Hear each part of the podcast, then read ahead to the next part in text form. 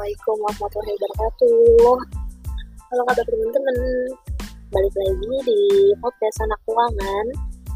Kita bahas apa ya hari ini ya? Uh, kali ini kita mau melanjutin sih untuk pembahasan yang kemarin. Kalau kemarin kita udah sebelumnya ya podcast sebelumnya itu kita ngebahas tentang jenis-jenis usaha, kemudian juga preview sedikit tentang materi-materi next yang akan dibahas. Sekarang kita mau lanjutin sedikit nih. Kenapa sedikit? Karena kalau banyak-banyak jadi pusing banget gitu ya. Belajar keuangan tuh harus sedikit-sedikit tapi kena gitu. Nah, ke sekarang kita mau ngebahas tentang tujuan perusahaan gitu. Sebelumnya nih, saya mau nanya sama teman-teman. Sebenarnya kira-kira ya teman-teman ya jadi bayang teman-teman kalau misalkan kita menjual, menjalankan usaha atau perusahaan gitu ya nggak usah ngeliat yang lain dulu ngeliat kita dulu untuk menjalankan perusahaan kira-kira apa sih tujuannya? Gitu. Coba teman-teman pikirin dulu 5 detik. Satu dua tiga lima nah udah lima detik. Gimana? Udah mau kebayang belum? Tujuan tujuan perusahaan yang teman-teman pengen bangun tuh apa sih? Kalau kita ngeliat tujuan perusahaan secara umum ya teman-teman itu pasti nih pasti nggak mungkin. Ini tujuan secara umum ya. Kita belum uh, masuk ke tujuan secara khusus. Secara umum tujuan perusahaan itu pasti untuk menghasilkan laba, untuk mendapatkan profit setinggi tingginya, gitu. Nah, usaha itu untuk mendapatkan profit setinggi tingginya untuk siapa? Itu kan, ya yang pastinya untuk memperkaya owner atau pemilik gitu ya karena kita kita tahu dari pembahasan uh, podcast sebelumnya bahwa perusahaan usaha ini adalah uh, tempat berproses antara input untuk menjadi untuk menjadi output gitu ya inputnya bahan baku dan tenaga kerja diproses dalam operasional perusahaan untuk menyediakan barang atau jasa sebagai output yang akan dijual kepada pelanggan gitu. Nah, otomatis penjualan barang-barang tersebut atau jasa-jasa yang diberikan itu akan menghasilkan timbal balik. Timbal baliknya apa berupa uang atau barang berharga lainnya. Nah, ujung-ujungnya akan memaksimalkan keuntungan atau profit. Profitnya buat siapa ya? Tentu aja buat si uh, empunya empunya perusahaan ya, atau si owner gitu. Kalau di perusahaan IPO sudah uh, pemegang saham ya, karena pemegang saham juga adalah pemilik perusahaan. Nah, sedangkan keuntungan ini adalah uh, selisih ya, selisih antara uang yang diterima dan biaya yang dikeluarkan oleh uh, perusahaan untuk menghasilkan barang jasa tersebut. Nah, kalau misalkan uh, di perusahaan yang udah IPO atau go public tentunya uh, nilai perusahaan ini atau kekayaan ini akan tercermin dari harga saham ya. Karena kalau misalkan si apa namanya si investor kita kita nih di di yang go public itu pasti akan membeli perusahaan yang benefit nah tentunya kalau menurut Pama Pama itu orang ya nama orang menurut Pama ini bahwa uh, nilai saham akan mencerminkan nilai uh, perusahaan tapi tetap ada faktor-faktor lainnya. Gitu. Oke kita nggak ngebahas ini. Ini adalah materi lanjutan. Kita ngebahas yang dasar-dasar dulu. Jadi tujuan perusahaan adalah mendapatkan profit setinggi-tingginya atau memperkaya owner apa pun caranya. Gitu ya. Kapitalis banget ya. Nah semoga tadi tujuan perusahaan yang kita uh, pikirkan sebelumnya itu nggak seperti ini gitu. Gak apa-apa mendapatkan profit setinggi tingginya, tapi juga kita harus mendapatkan kebermanfaatan gitu. Nah lalu uh, untuk perusahaan yang sekarang ya karena kan uh, sekarang itu banyak gerakan-gerakan yang nggak bukan anti kapitalis tapi nggak mau yang kapitalis kapitalis banget lah gitu ibaratnya masyarakat juga lebih aware nih terkait hal ini makanya perusahaan-perusahaan berlomba untuk uh, me, bukan merubah ya menambahkan tujuan perusahaan mereka gitu loh. Selain mendapatkan profit tinggi setinggi tingginya perusahaan juga ingin menebarkan kebermanfaatan bagi masyarakat sekitar. Nah ini yang menjadi concern atau tujuan perusahaan yaitu salah satunya adalah meningkatkan nilai perusahaan. Meningkatkan nilai perusahaan adalah memberikan value gitu ya. Value bagi produk-produk yang dijualnya. Value value added gitu ya. Jadi pelanggan nggak cuma memanfaatkan mendapatkan benefit yang secara hasil produk ya udah selesai gitu. Tapi dia memberi mendapatkan uh, benefit benefit berupa value value dari produk yang dibeli. Gitu kayak misalkan dengan membeli produk ini kita mau ikut melestarikan lingkungan. Nah itu ya. Itu contoh memberikan value perusahaan. Nah itu juga bisa dijual loh ternyata teman-teman. Kita bisa campaign dengan hal-hal tersebut yang tentunya nanti akan menarik uh, apa namanya minat pembeli untuk membeli produk seperti itu. Lalu selanjutnya adalah memberikan nilai bagi perusahaan. Bedanya apa? Kalau misalkan tadi sebelumnya kita memberikan value itu bagi uh, siapa namanya pembeli atau pelanggan, kita juga sih bagi perusahaan harus memberikan nilai atau menanamkan value-value tersebut di internal kita.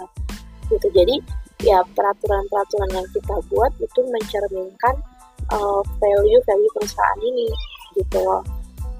Jadi nggak cuma hanya sekedar uh, value untuk bahasa promosi aja tapi juga untuk implementasi contohnya adalah kalau tadi misalkan value yang digunakan adalah uh, beli produk ini akan akan mengikut ikut melestarikan alam melestarikan lingkungan. Berarti contohnya value yang ditanamkan di internal kita adalah pegawainya misalkan dilarang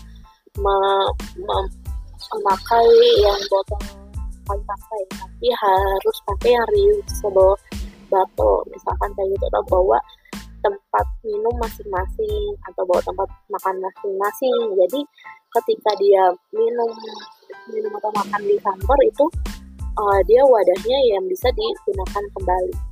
Itu jadi nggak apa namanya nggak me sekali buang. Gitu. Nah itu kan sebagai salah satu kebermanfaatan juga. Jadi nilai yang yang kita sudah kami di dalam atau terimplementasi itu juga akan uh, menyebar atau kita bisa keluarkan ke produk yang kita jual gitu. Sehingga itu dapat membuat hati para customer atau uh, apa namanya perilaku customer itu bisa oh iya keren juga lo beli produk ini ya bisa misalkan bisa ikut melestarikan lingkungan atau kita bisa nambahin value-value yang lain gitu kan. Nah itu juga bisa sebagai salah satu cara uh, atau salah satu tujuan perusahaan untuk um, memasarkan produknya untuk beroperasi beroperasi gitu. Gimana teman-teman? Udah kebayang ya kalau tujuan usaha itu sebenarnya nggak hanya melulu tentang profit tapi kita juga bisa um, memberikan value loh kepada masyarakat sekitar gitu. Dengan uh, apa membeli produk-produk yang kita berikan. Intinya adalah kebermanfaatan umum untuk produk dan jasa yang kita berikan. Tentunya dengan uh, mutu yang tinggi ya.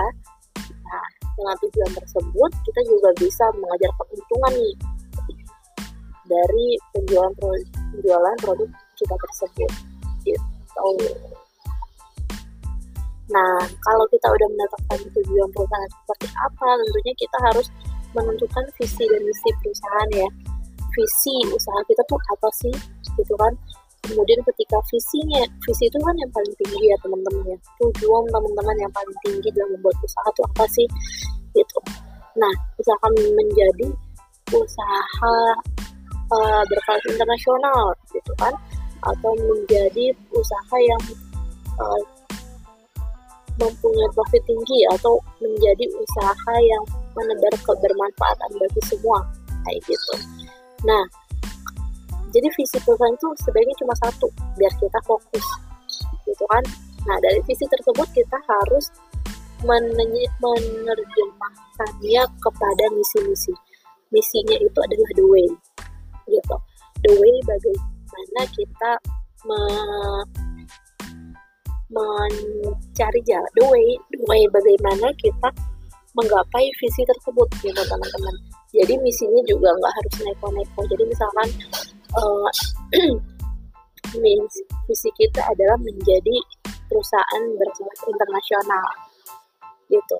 Nah kemudian misinya apa? Oh berkelas internasional tuh ada step-stepnya loh. Misalkan kita juga, kita pertama harus berkelas secara uh, provinsi Indonesia kemudian internasional penjualannya harus bagaimana SOP-nya gimana sistem internalisasi kita itu harus gimana. Nah itu dirumuskan dalam misi-misi. Gitu. Nah baru kalau misi sudah terbuat kita bikin jangka waktu atau uh, target-target per tahun. Gitu. Jadi misalkan untuk mencapai eh, sebelum internasional pasti kita kan ke standar nasional dulu ya standar nasional itu apa aja sih? Itu kan penjualan ke seluruh provinsi misalkan. Kemudian uh, berarti untuk target tahun ini adalah membuka cabang dari setiap provinsi ada misalkan kayak gitu. Minimal satu aja. Berarti kan kalau kayak gitu uh, kita turunin aja mempunyai reseller.